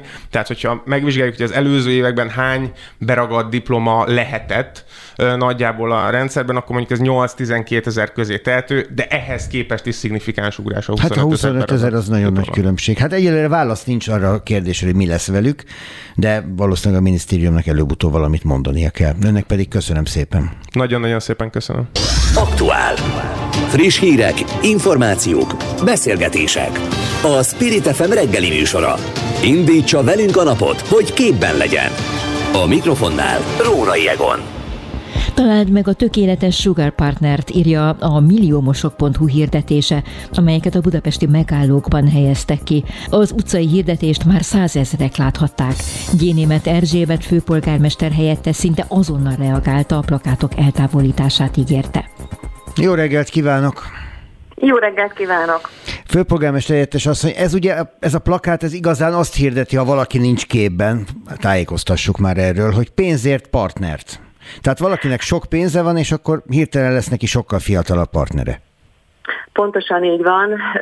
Nem biztatnék arra senkit, hogy menjen föl ezekre az oldalakra, de hát nyilván kollégáim megtették. És például ebben ilyen elképesztő dolgokkal lehet találkozni, mint hogy a fiatal lányok ne vegyenek föl diákhitelt, hanem inkább keressenek maguknak egy ilyen nagyon sok pénzes vagy sok pénzű idősebb urat, aki finanszírozza őket az alatt, amíg tanulnak. Szóval azt gondolom, hogy ez egészen egyszerűen elképesztő, és úgy gondoltam, hogy a fővárosi önkormányzat által bérebeadott hirdető felületeken ezeknek semmi keresni valója nincs. Ezekre van ráhatásunk, ezekre van lehetőségünk, ezekről persze sajnos egy kicsit hosszabb jogi procedúra után, de leszedetni ezeket a plakátokat, és ebbe tettem meg az intézkedést. Hát ugye a reklámtörvény ebben egy jó támaszt nyújt a fiatalkorok szellemi érzelmi fej, erkölcsi fejlődése tekintetében. Ön felment erre az oldalra? Megnézte személyesen is? A kollégáimat kértem meg, bevallom őszintén, hogy nincs, hogy mondjam, még csak hangulatom se ezeket elolvasni, de hát abszolút megbízom bennük, illetve fontosan tisztában vagyok azzal, hogy ezek az oldalak mit és miért hirdetnek. Meg igazán tisztában vagyunk azzal, hogy ez hogy működik, mert hogy a társadalmunkban ez bizony eléggé súlyosan jelen van. Nem egy friss jelenség, de egészen kézzelfogható. Így van, néhány évvel ezelőtt óriás plakátokon szintén voltak ilyen hirdetmények, akkor csak a nem tetszésemet tudtam kifejezni, hiszen ahhoz a főváros ezekhoz a plakátokhoz semmi köze nem volt, illetve a mostaniakhoz sincs, ami óriás plakátokon jelenik meg a fővárosi önkormányzatnak köze, de itt konkrétan van lehetőségünk lépni, és még egy nagyon fontos dolgot szeretnék mondani. Az is felháborított engem, és azt gondolom nagyon-nagyon sok embert, hogy egyfajta olyan példát tesz, vagy olyan példát mutat a most még fiatal kiskamasz vagy kamasz fiatalok gyerekek elé, ami egészen egyszerűen nem követendő példa. Ezt nem lehet, nem szabad reklámozni, noha abban önnek igaza van, hogy ezt pontosan tudjuk, hogy ez egy társadalmi jelenség. Erről jutott eszembe, hogy azzal nem lenne dolgunk a tiltáson túl, hogy valamiféle hát edukációnak szokták ezt mondani, a társadalmat arra formáljuk, abba az irányba formáljuk, hogy ez ne legyen elfogadott, vagy ne legyen a világ legtermészetesebbnek látszó dolga. Mert hogy Én azt gondolom, hogy ezért nagyon sokat tesznek a, a szülők, nagyon sokat tesz az iskola maga is, tehát biztos vagyok benne, hogy nagyon sok osztályfőnöki órán ez felső tagozatban, vagy főleg középiskolában szóba kerül. Szóba. Legalábbis reméljük. Hát én biztos vagyok benne, ennyi, ennyi, hogy mondjam, ennyi jó dolgot hadd feltételezzek régi kollégáimról, magam is pedagógus volnék, ugye, tehát én abban bízom, hogy ez bocsánat, hogy ez, ez ellen harcolunk és ez ellen teszünk, illetve próbáljuk a fiatal nemzedékekkel ezt megmutatni, hogy ennek mi is a veszélye, de azt kifejezetten károsnak tartom, hogyha egy-egy ilyen hirdetés szembe jöhet bármikor az utcán a gyerekeinkkel. Ebben teljesen igaza van. Lesz elővár, előválasztási vita, nem, nem tudom kimondani ezt a szót. Szóval hát lesz előválasztási vita. Ez a hétvége egyik híre volt, július 26-ától van erre lehetőségük a hat párt jelöltjeinek. Ön várja a lehetőséget? Természetesen amennyiben úgy döntünk Új-Budán, Budapest 2-es választókerületében, hogy rendezünk vagy részt veszünk ilyen vitát, én magam is nagyon szívesen megméretem magam. Nagyon fontos volt, hogy a hat ellenzéki párt vezetője egyetértett abban, hogy ez nagyon szabályozott, egyenlő pályák, egyenlő esélyek feltételekkel kell, hogy megrendezésre kerüljön, és biztos vagyok benne, hogy sok választókerületen, a 106-ból elég sok helyen lesznek ilyen viták, hiszen akkor itt az ellenzéki választók megismerkedhetnek azzal, hogy egy-egy jelölt mit szeretne képviselni az adott választókerület érdekében, vagy egyáltalán mit gondol arról, hogy hogyan kellene leváltani az Orbán kormányt. Nagyon fontos az, hogy ez a hat párt egyetért abban, hogy közösen mind a 106 egyéni körzetben egy jelölt, egy miniszterelnök jelölt, egy közös lista, és ami persze ezeket megelőzi, közös programmal indulunk a kormányleváltásra. Nem fél attól, hogy ezek a viták könnyen elfajulhatnak egy-egy területen, egy-egy adott térségben, mindenki meg akar felelni a saját választóinak, és mindenkinek lehetnek szemrehányásai a másik felé, a másik programja ügyében például, és akkor ezek a viták, ezek egészen durvák lesznek szemben az eredeti szándékkal? Biztos vagyok benne, hogy nem, én rajtam nem fog múlni, és feltételezem, hogy a versenytársaim ugyanígy gondolkodnak.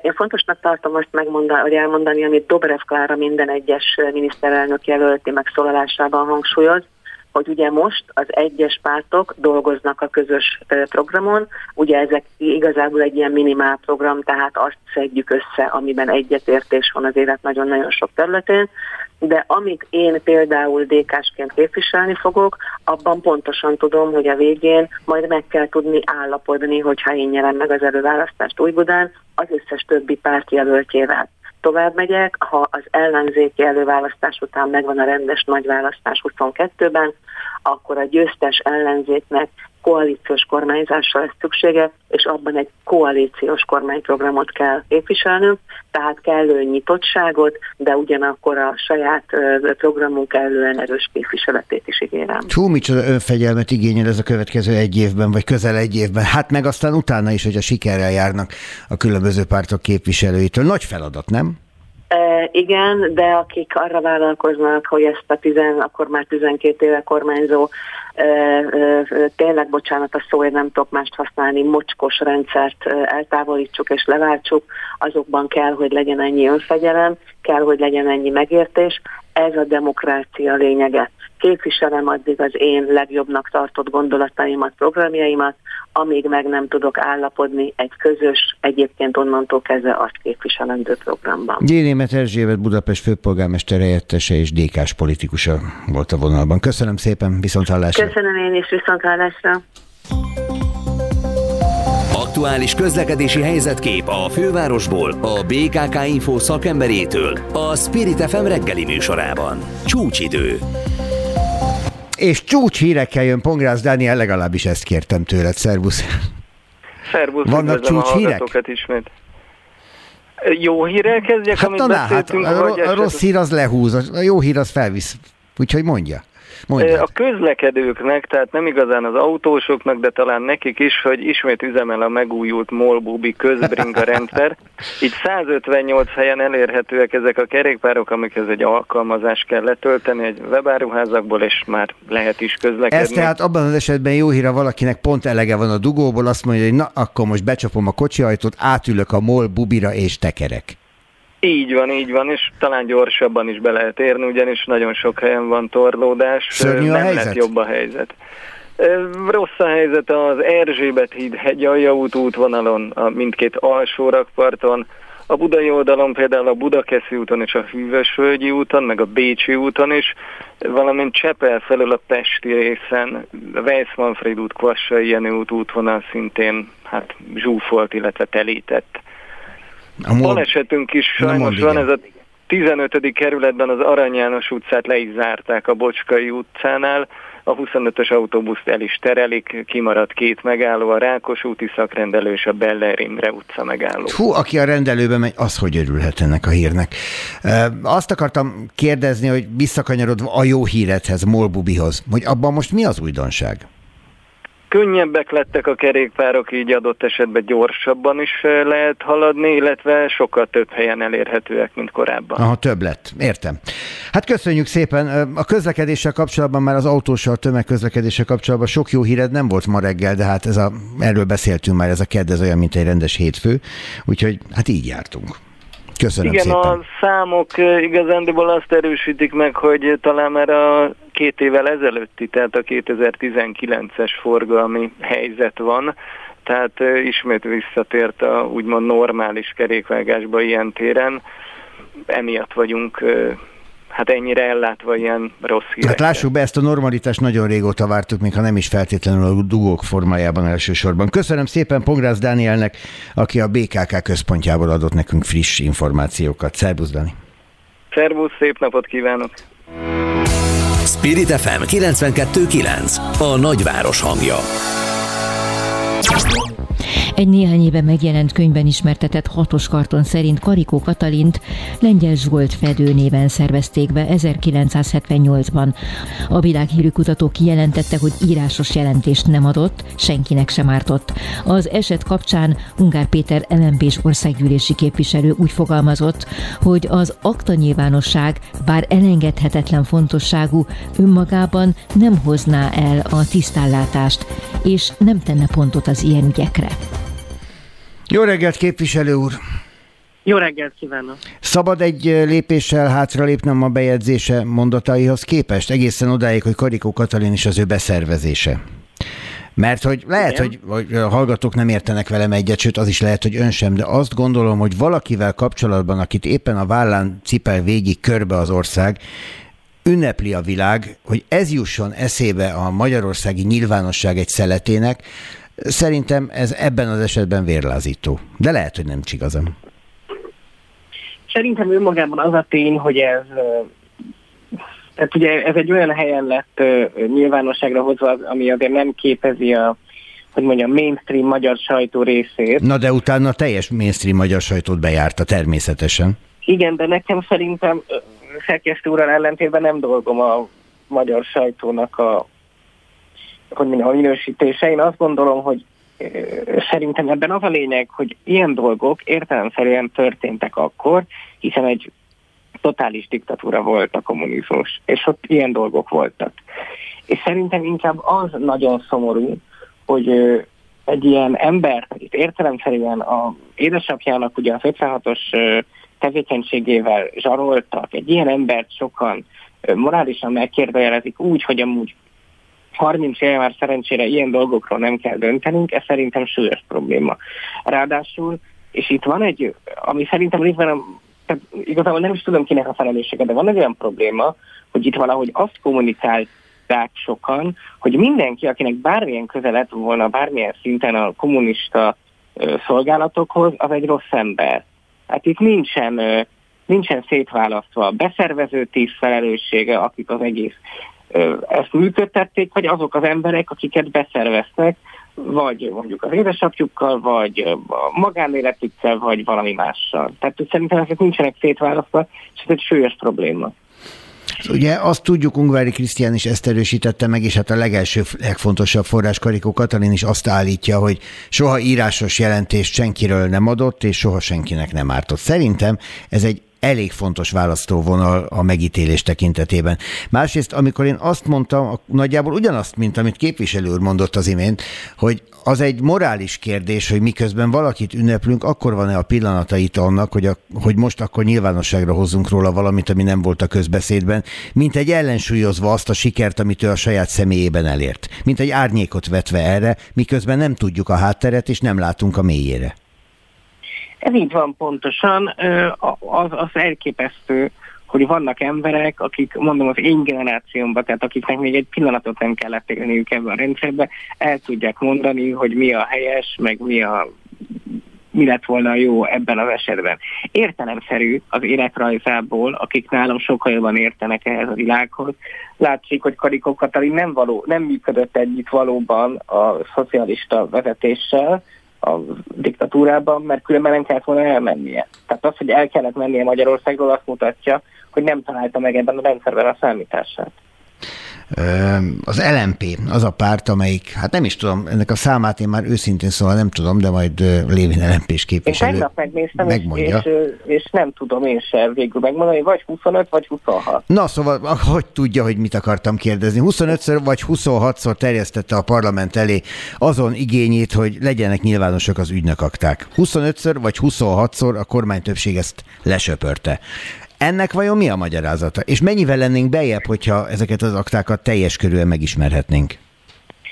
Szerintem értem, hogy most kicsit magam ellen beszélek, annak ellenére, hogy az akta nyilvánosság rettentő fontos, és nem véletlenül terjesztettem be én is sokszor ebből a 25 vagy 26 alkalomból, de önmagában ezt az akta nyilvánosság nem oldaná meg.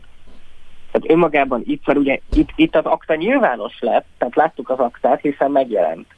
De ö, itt inkább abban van lenne feladat, hogy valamilyen módon kontextusába helyezzük ezeket a dolgokat. Hogy mit jelentett ez? Hogy, hogy ki az, aki, akit érhet morális megbetés, és ki az, akit nem. Az, hogy a, a, ugye kiderült a személy a beszervezőtésznek is, és ugye ezt is megírta a média, bár mondjuk pártpolitikai alapon most inkább ezzel a jobboldali média foglalkozik, de mindegy, a beszervezőtés személye az már egy valódi morális felelősséget vett föl szerintem. Hát igen, bár mondjuk a három per kettesek joggal hivatkoztak arra, vagy némi joggal hivatkoztak arra, hogy a mindenkori állambiztonsága a külföldiekkel szembeni magyar állam érdekvédelme az minden államnak függetlenül a rendszertől sajátja és, és előírása. Tehát ez is egy nagyon bonyolult történet, de igen, persze természetesen a, be, a beavató tiszteket, tehát a beszervező tiszteket, őket mindenféleképpen érdemes lenne egy listán megjelentetni. Már csak azért is, hogy ezen legalább utóbb ne lehessen vitatkozni. De hát hát 30 év eltelik, és igazából semmire nem jutottunk ez ügyben. Igen, és ugye azért az is nagyon szomorú, hogy, hogy megint csak akkor jutunk erről valaki, ha valakik, valakiről tendenciózusan ezt kihasználják, mint ahogy tették a korábbi időszakban is. Jó, hát akkor ebben köztünk teljes az egyetértés. Hende Csabával van egy állandó vitája Arról, hogy Szombathely térségét mennyire képviseli, vagy mennyire nem képviseli az országgyűlési képviselő, miután hatókörünkön kívül esik ez a terület, de mire való ugye az internetes sugárzás, tehát nyugodtan beszéljünk Szombathelyről egy mondatot. Az, hogy ön Hende Csabát jelöli meg állandó vitapartneréül tulajdonképpen anélkül, hogy ő vitatkozna valójában, és nem az ellenzéki ellenfeleit, akikkel egy előválasztáson meg kell küzdeni, ez azt jelenti, hogy igazából nem az előválasztásra készül? Ez azt jelenti szerintem, hogy az előválasztáson is azért pontosan tudnunk kell, hogy az egész történetnek a lényege az, hogy kormányváltás legyen. Szombathely nélkül nagyon nehezen van kormányváltás. Tehát ö, hiába vannak nekem ellenzéki vetétársaim, igazából csak egy vetétársam az előválasztáson, és vele szembe is meg fogom fogalmazni azokat a ö, nem személyeskedő, de programalapú vagy egyéb kritikákat, amiket meg kell, de azért alapvetően az egész ö, ellenzéki együttműködés lényege, hogy Hende Csabát kell 2022-ben legyőzni. Értem, és köszönöm szépen, hogy a rendelkezésünkre állt. Szép Én napot köszönöm. önnek! Böngésző. Mivel foglalkoznak a vezető internetes portálok? Hogyan találnak egyes híreket? Mire kattintanak a legtöbben? Böngésző. A Spirit FM reggeli műsorának online lapszemléje. Címlapsztorik, értekezések, izgalmas információk. Böngésző. Mit böngésztél? Nagy Teodóra szerkesztő velem szemben. Szia! Szia, üdvözöllek téged és a hallgatókat is. A belpolitika témában két interjút is hoztam. Az egyik az a Telex oldalán olvasható, Karácsony Gergelyel indítottak egy interjút. Erős a cím is. Karácsony, üzentek, mondjam meg, mit kérek azért, hogy ne induljak. Hát ugye most, most elindult az ellenzéki miniszterelnök. Na várj, Teó, de kik üzentek? Kik üzentek? Ugye a, a, Azért az nem mindegy. Az nem mindegy, pontosan, pontosan. És ő azt mondja, hogy, hogy a kormány közeléből Hoppácska. üzentek, viszont már korábban használt kifejezések is feltűnnek az, az interjúban, tehát például, hogy ö, olyan valakivel szemben, aki meg akarja őt ölni, azzal fel kell venni a kesztyűt, tehát egy ilyen erős, egy ilyen erős indítás is van benne, tehát ez most kérdés, hogy ki akarja őt megölni, meg hogy ez szimbolikus beszéde, ö, ugye volt a karácsonynak korábban volt olyan, hogy, hogy őt majd el fogják ásni, meg, meg egyéb megjegyzései, tehát itt, itt itt ez egy nagyon érdekes és tartalmas szöveg.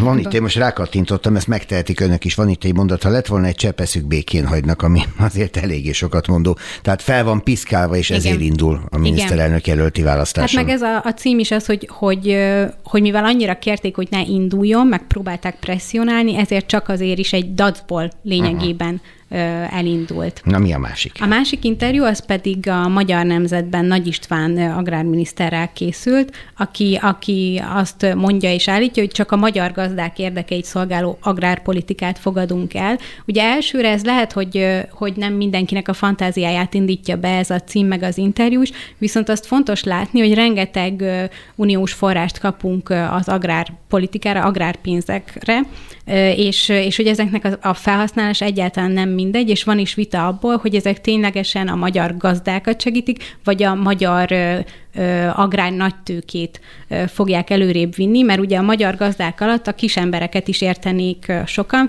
viszont akik kritizálják a kormánynak az agrárpolitikáját, azok azt mondják, hogy sokkal inkább a nagytőkéseket fogják segíteni ebben. És az interjúból igazából kiderül az, hogy, hogy ők mit gondolnak, erről, és szerintem ez egy érdemes, érdemes ezen, ezzel a területtel jobban foglalkozni.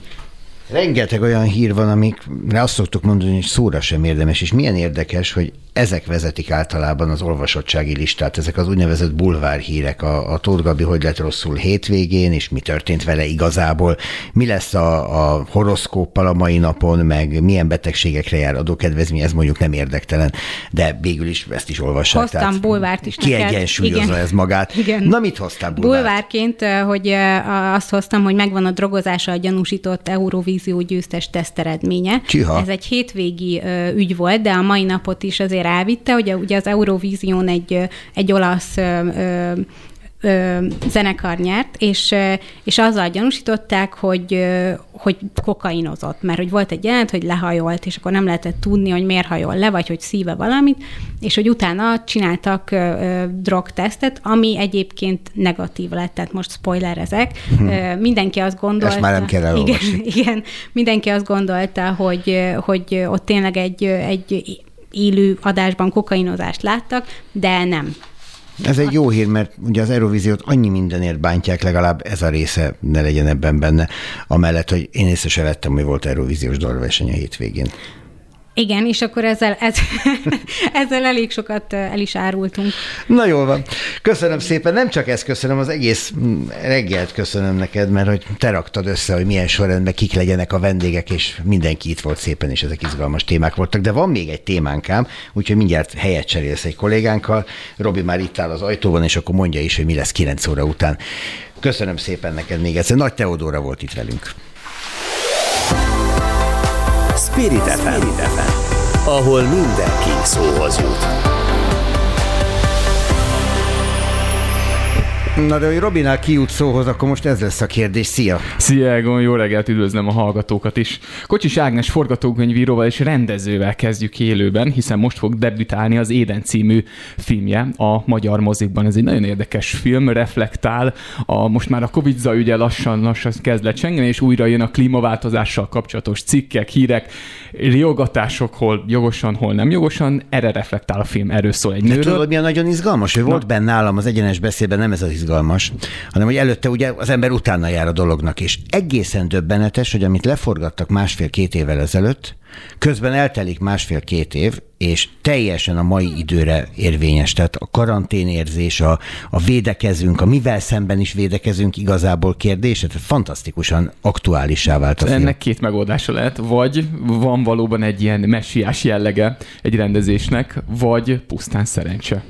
Hát vagy ott van a levegőben valami, ami most nem kifejezetten a vírus, hanem valami közérzet, hogy, hogy merre megyünk, hogy mi, mi dolgunk van, és hogy oldjuk meg azt a dolgot, ami a Földön nekünk dolgunk. A kommunikáció zaj lehet ez. Mindenhol mindenféle tartalmat fogyaszthatunk, és én azt vettem észre, hogy minél több tartalom ömlik ránk, vagy akár rám, annál inkább tudom magam elszigetelve érezni. Emiatt mindent kellene fogyasztani, mindent azonnal lehet fogyasztani, és közben, közben valahol az ember valahol a gondolkodást talán elveszik. Úgy érzed, hogy nem éred utol magad?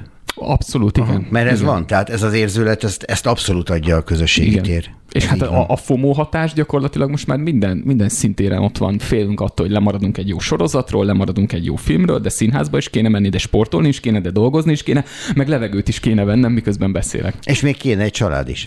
A, és ugye ez, és még... ez a dolog, ez amit most itt felsoroltál, ez szinte kizárja, hogy egy normális család életebe beleférjen. Úgyhogy igen, ez egy kihívás, azért szerintem és remélem sokan megoldják.